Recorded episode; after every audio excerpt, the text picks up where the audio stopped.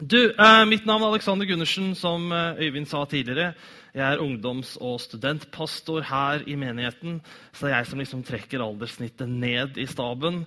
Um, og vi holder på med en taleserie som heter 'Alle gode ting er tre'. Alle gode ting er tre, for det er det jo. Og eh, I denne taleserien så er det tre deler. og eh, Temaene er visdom, overgivelse og kraft. Visdom, overgivelse og kraft. Og Dagens tema som jeg skal snakke om, det er overgivelse. Eh, Dette er en serie hvor alle tre delene henger eh, ganske tett sammen. altså De eh, utfyller hverandre godt. Så hvis ikke du har hørt forrige ukes tale, som var visdom, Frode, hovedpastoren her, som holdt den, så vil jeg anbefale dere sterkt å gå inn på hjemmesida vår, misjonskirkenstavanger.no, og så klikke inn på podkast og så høre på den. Og så må du selvfølgelig også komme tilbake neste uke og høre når Frode skal tale om kraften. Men i dag så er det overgivelse vi skal snakke om. Um, jeg skal bare gi en sånn halvrask innføring i det stoffet som vi tar utgangspunkt i for denne taleserien. Eh, for på 1990-tallet, Tidlig på 1990-tallet så var det en kar som het Christian Schwartz, en østerriker, som gjorde en av de grundigste undersøkelser på menigheter som har blitt gjort. Det Han gjorde var at han undersøkte ca. 1000 menigheter. og Det er ikke sånn 200, så sier jeg 1000. Det var ca. 1000 menigheter i eh, litt over 70 land. På alle kontinenter er det bor folk. Eh, og Han undersøkte disse menighetene. Det er menigheter i forskjellige kulturer, menigheter med forskjellig språk, forskjellige økonomiske forutsetninger, med forskjellige demografiske sammensetninger. Altså Det er totalt ulike menigheter som han undersøkte. Og Målet hans var å finne er det noe som kjennetegner menigheter som er sunne og i vekst. Hva er det som kjennetegner en sunn og voksende menighet? På tvers av kulturer, på tvers av språk, på tvers av økonomi, på tvers av alle disse tingene her. Resultatet fra denne undersøkelsen det har blitt til noe som i dag heter naturlig menighetsutvikling. Og det, Hvis det er veldig spesielt interesserte, så er det mulighet å låne en bok. så kan jeg lese litt om det. Men det er egentlig bare et verktøy for å utvikle en sunn og voksende menighet. Og som med alle sånne verktøy så er det lov til å stille noen kritiske spørsmål til det. Eh, men så er det også veldig veldig mye bra i akkurat dette verktøyet. Så Utgangspunktet vårt for denne serien er en eh, liten del av dette verktøyet. Det er ganske omfattende. Um, og det er det som han Christian Schwartz kaller for den trefargede kristen. Den trefargede kristen. Dere har fått et bilde opp på skjermen her. Den trefargede kristen illustrerer Christian Schwartz ved bruk av tre fargede sirkler. En grønn, en rød og en blå. Den grønne er visdom. Jeg skal ikke si så veldig mye om den i dag, så klikk dere inn på podkast hør på den. hvis dere vil mer. Den røde det er overgivelse, som vi skal snakke om i dag. Og den blå det er kraft. Og disse tre sirklene, disse tre fargene, disse tre ordene, representerer tre dimensjoner ved det kristne livet. Ok? Tre dimensjoner ved det kristne livet. Visdom, overgivelse og kraft. Som man kan se på bildet, så har Christian Schwartz knytta dette her opp til treenigheten. Altså den trenige Gud. Han har knytta opp til at det er Guds visdom, det er overgivelse til Jesus, og det er Den hellige ånds kraft. Guds visdom, overgivelse til Jesus og Den hellige ånds kraft. Tanken til Schwartz da, det er det at eh, hvis du skal ha en sunn og bibelsk tro, eller en sunn og bibelsk menighet, så må man ha en balanse mellom disse tre dimensjonene.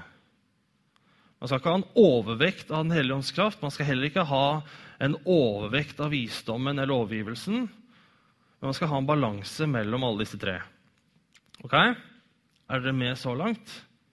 Ja, ja, så, ja, det er noen som sa ja. Det er fint, vet du. Og dere som er nei, ikke si noe som helst. Det er litt sånn skremmende. Um, men grunnen til at han, skriver, han har skrevet en bok om dette, her, da, den trefargede kristne, og grunnen til at han skriver en bok er for at han antar at de aller, aller, aller fleste av oss som er kristne, ikke har denne balansen.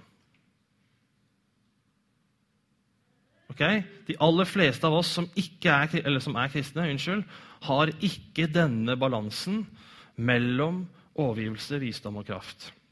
Og Han sier at dette her kommer av at vi har forskjellige oppfatninger av Gud.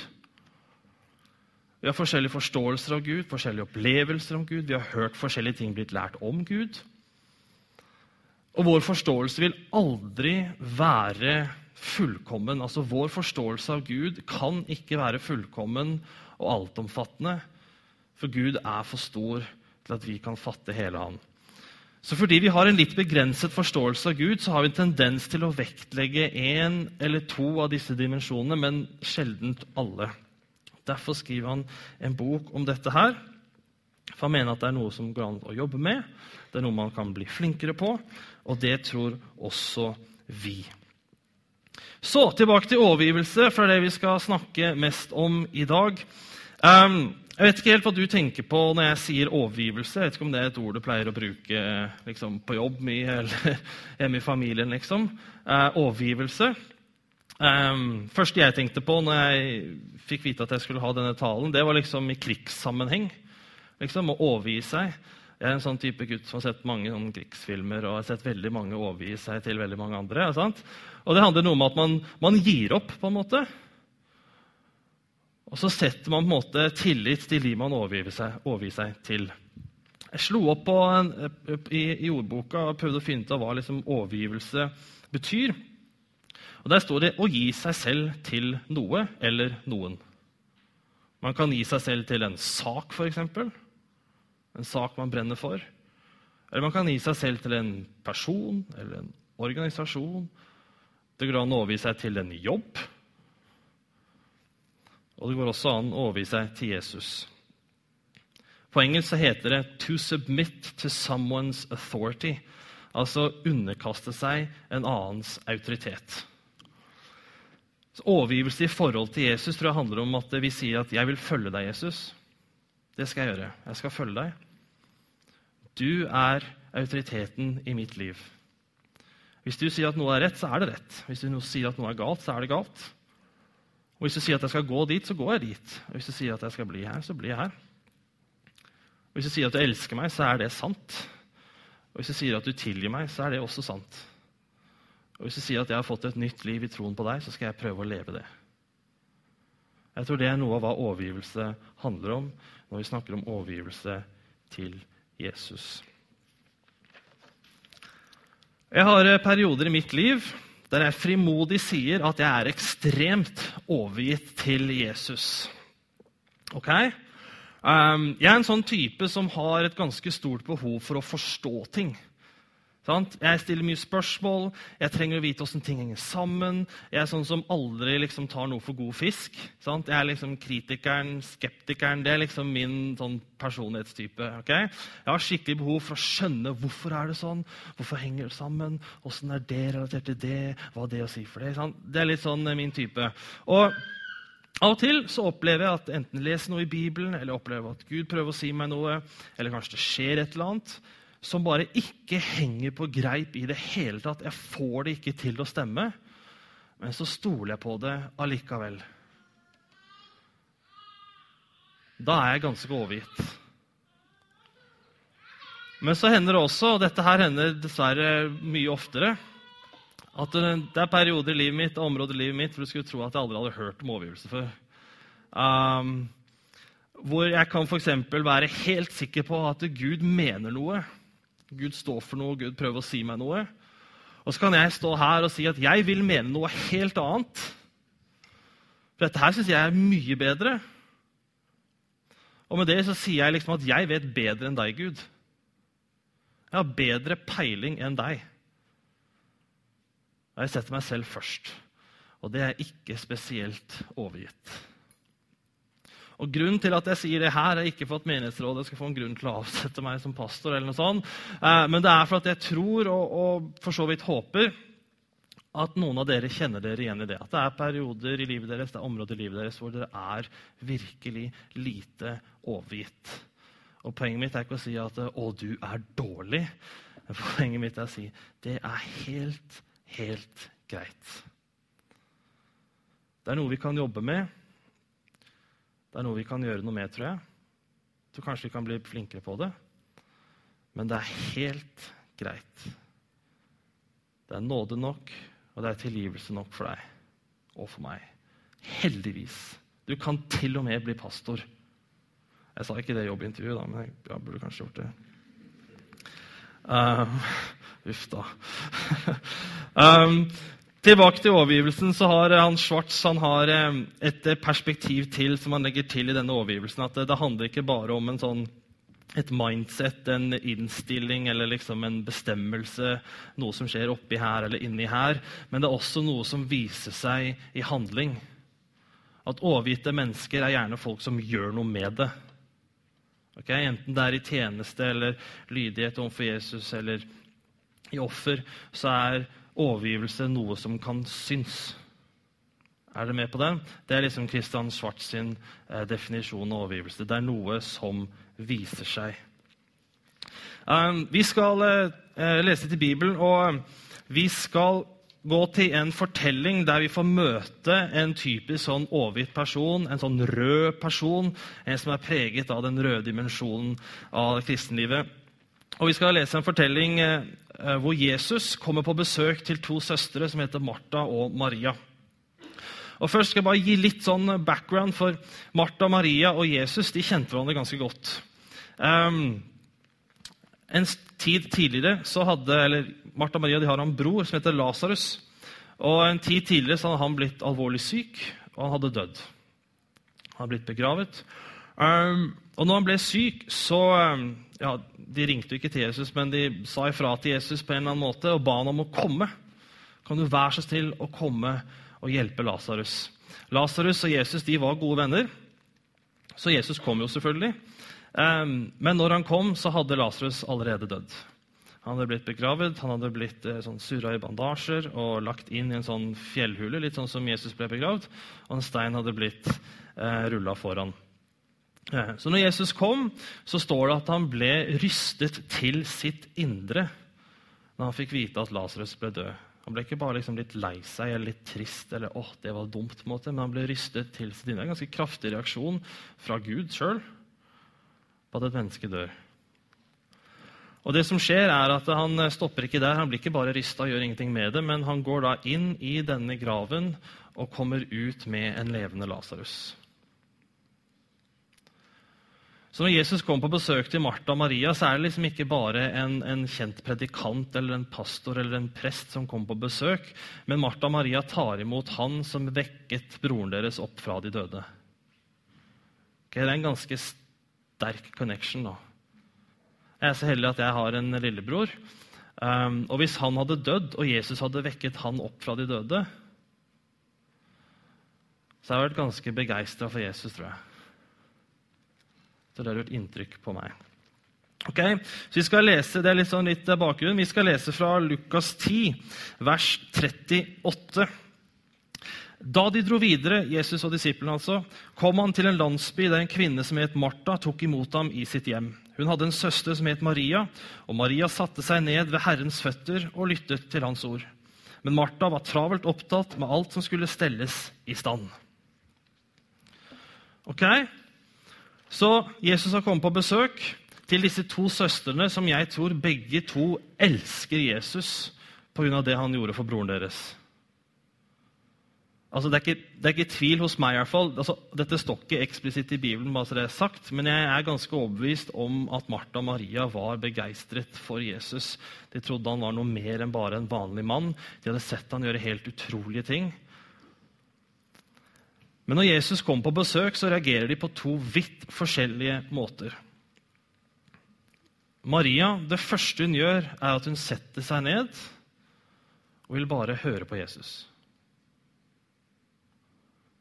Snakk med meg, Jesus. Fortell meg, Jesus. Jeg vil være sammen med deg, Jesus. Kan du forklare dette, Jesus? Jeg har lyst på mer av deg, Jesus. Det er Marias reaksjon. Martas reaksjon er ganske annerledes. Og Martha er det man kan kalle en sånn typisk rød person. For det første Martha gjør, eller jeg vet ikke om det er det første hun gjør, men i hvert fall når Jesus kommer, så begynner Martha å stelle i stand begynner å ordne, begynner å styre, begynner å koke kaffe. ikke sant? Hun begynner å sant, drikke Jesus-kaffe, det må vi finne ut av, og det kommer noen gjester. ikke sant? Det står at de lå til bords, ikke sant? så de måtte dekke gulvet. ikke sant? Uh, og, og liksom måtte finne ut av oss, Vi må sørge for at folk har det best mulig. Det var Martas reaksjon på at Jesus kom på besøk. Hun begynte å stelle i stand, hun begynte å varte opp, hun begynte å ordne og stelle. Okay? Det var Martas reaksjon. Jeg kjenner meg veldig igjen i Marta.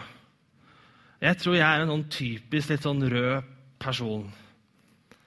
Det ikke at jeg ikke er glad i å høre på Jesus eller be til Jesus. eller noe sånt. Det betyr ikke at jeg ikke er vis nødvendigvis. Det kan hende at det betyr det også. Um, men jeg er veldig glad i å gjøre noe. Jeg opplever eh, mitt kristenliv som mest meningsfullt når jeg gjør ting. Ikke når jeg sitter og snakker om noe, faktisk ikke når jeg sitter og ber, men når jeg gjør noe i tjeneste for Jesus. Jeg opplever meg som en veldig sånn rød person. Og Det er sånn Jesus reagerer. Jesus kommer, la oss stelle i stand. Men selv om denne overgivelsen, selv om denne rødheten kanskje høres litt bra ut, så er det noen svakheter ved dette her. Og eh, Nå skal vi lese resten av vers 40. For her kommer nemlig Martha um, med et spørsmål, med en innvending, med en klage, som er ganske vanlig for oss røde folk. For hun sier nemlig til Jesus Hun kom bort til dem, Jesus og Maria, og sa, 'Herre, bryr du deg ikke om at min søster lar meg gjøre alt arbeidet alene?' 'Si til henne at hun skal hjelpe meg.' Og Så ser du ikke at jeg gjør all jobben, og hun gjør ingenting. Er ikke det urettferdig? Det er ikke sånn som det skal være. Kan ikke du si at du må skjerpe seg?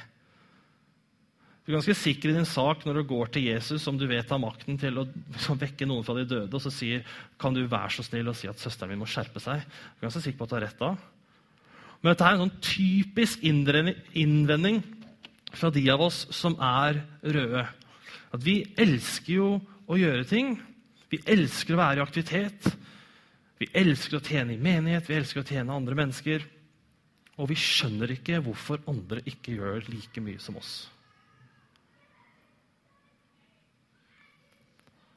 Og ikke nok med det, men det kan føre til at vi begynner, altså vi som er litt røde, at vi begynner liksom å skule på andre litt sånn derre Ja, jeg er liksom med i styret, og jeg er med på lovsangen, jeg er med liksom gudstjenesten, kirkekaffen, jeg står i døra og hilser velkommen, jeg gir til det fattige, jeg gir tiner og alt det men han gjør ingenting. I hvert fall ikke som jeg kan se. Og så begynner man kanskje å dømme de litt. liksom. Ja, hvem tror han at han er, liksom? Kan han komme på gudstjeneste sånn som det? Vil ikke være med å tjene fellesskap engang? Kanskje vi til og med begynner å tvile på folks tro. Jeg ser ikke at han gjør noe. Tror han egentlig på Jesus da? Eller hva slags tro er det egentlig han har? En fattig tro. Han gjør jo ingenting. Jeg skal være ærlig innrømme at eh, jeg har tenkt de tankene sjøl. Og bare sånn, Om ikke det er klart, det er usunt, det er ikke bra. Vi som er røde, vi som har tenkt de tankene, vi må skjerpe oss. Vi må ta tak i det. Det er urettferdig, det er dømmende. Vi må slutte med det. ok? Men jeg tror det er en ganske vanlig innvending fra de av oss som er veldig glade i å være aktivitet. Vi som på en måte, Størstedelen av vårt kristenliv handler om å være i arbeid, være i tjeneste så tror jeg vi fort kan bli ganske dømmende i forhold til andre som kanskje ikke gjør like mye. Heldigvis, og selvfølgelig for så vidt, så ser jo Jesus dette her. Han legger merke til dette her, og han reagerer på dette her. Vi skal lese resten av fortellingen. For Jesus sier da Men Herren svarte henne, Martha, Martha. Det gjør deg strev og uro med mange ting, men ett er nødvendig. Maria har valgt en gode del, og den skal ikke tas fra henne. Martha, Martha, Martha, Martha. Slapp av litt. Ta en pause. Ro han ned. Hør på meg. Det første Jesus gjør, er å bekrefte det Martha har gjort. Du gjør så mye, Martha. Du holder på med så mye. Du arbeider så hardt. Du har fått til så mye. Og Hvis man ser på hvordan Jesus møter andre mennesker som arbeider hardt for hans skyld, så tror jeg det er liten tvil om at Jesus heier på det. Det er en god ting. Jobbe for hardt er selvfølgelig for hardt, men det å arbeide for Jesus det er en god ting. Så først han, han bekrefter henne, men så korrigerer han henne og sier, 'Men vet du hva, Martha?' Det Maria gjør, det er også godt. og det skal du ikke ta ifra henne. Maria er annerledes enn deg. Det hun gjør, er godt, og det skal du ikke ta fra henne.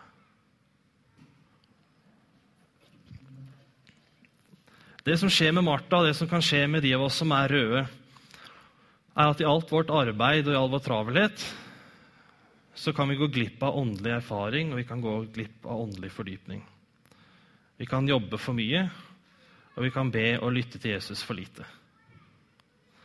Jeg, eh, når jeg og kona mi Helene bodde i Kristiansand, det var før vi flytta hit, Um, så har vi vært så heldige at vi har fått lov til å være med og starte noe som heter Touchpoint i Kristiansand. Det er sånn um, kristent arbeid for studenter og unge voksne i byen.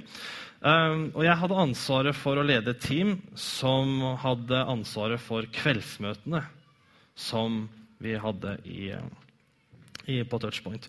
Og før disse kveldsmøtene så hadde vi alltid en samling, og på den samlingen så ba vi alltid for møtet og for alle som kom. Og Det gjør vi også her i Misjonskirka. Eh, halv elleve så har vi en samling inne i sidesalen her, hvor vi skal ha kirkekaffe etterpå. Og så ber vi for denne gudstjenesten, og vi ber for alle dere som er her. Fantastisk ting å gjøre, ikke sant? Og jeg har tenkt på meg sjøl flere ganger under den der liksom, bønnestunden så har jeg tenkt jeg har så mye å gjøre, kan vi ikke bare bli ferdig med å be? Sant? Åh, liksom, Come on, Frode. sant? Yes, du holdt på i fem minutter. liksom. Få gang. Vi må ordne, vi må, altså Kaffen er ikke trakta, liksom. lysene er ikke tent. Vi, liksom, vi, må kjøre på her. Kan vi ikke bare bli ferdig med å be? Og det er en kjempefare, altså. For meg og for de av oss som er røde, som har en tendens til å arbeide mye. For vi må ikke gå glipp av den åndelige erfaringen og åndelige fordypningen som vi kan få ved å be til Jesus, ved å søke han, ved å tilbe han, ved å lytte til han.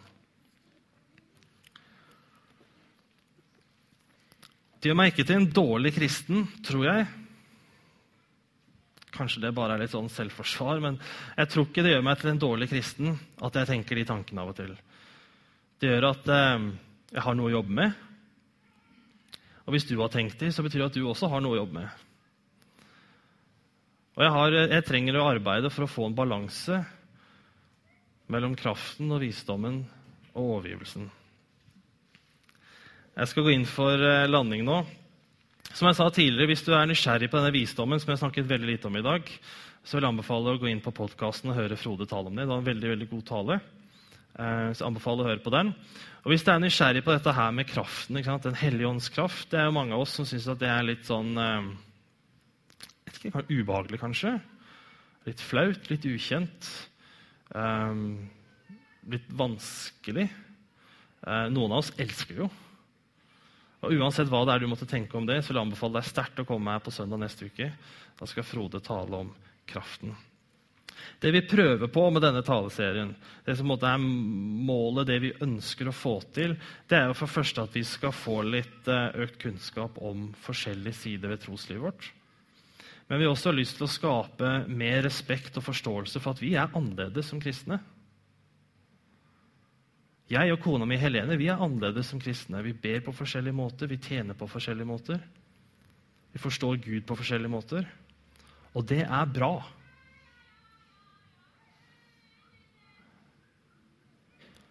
Vi ønsker også å bekrefte hverandre. Vi kan bekrefte de grønne, de som er vise, og de som søker det, og de som på en måte har en hovedvekt på det i sitt liv. Vi ønsker å bekrefte de som er overgitte. Vi ønsker å bekrefte og heie på de som søker kraften. Vi tror alle tre er viktige og helt essensielle deler i et kristent liv. Da er jeg ferdig.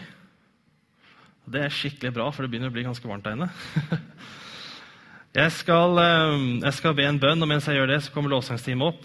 Så skal vi synge en sang, og så skal jeg avslutte møtet eh, til slutt. Takk for at dere holdt ut. Kjære Jesus. Um, jeg takker deg for fortellingen om Maria og Martha. Jeg takker deg for at uh, jeg får lov til å kjenne meg igjen i Marthas reaksjon på at du kom på besøk. Og jeg takker deg for alle andre som kjenner seg igjen i Martha, Herre. Um, og jeg takker deg for at vi får lov til å være forskjellige som kristne. Jeg takker deg for at, uh, at det er greit. At du heier på oss for det. Og jeg ber deg for denne menigheten her, at det, det skal være en menighet som er preget av respekt og kjærlighet og forståelse for at vi er forskjellige. At den ikke skal være preget av sjalusi eller skepsis eller noe som helst sånn som på en måte kan bryte ned. Jesus, jeg har lyst til å be deg om din velsignelse over resten av denne dagen. Og for alle som er her, og spesielt for lille Anna som har blitt døpt, Herre. I ditt navn. Amen.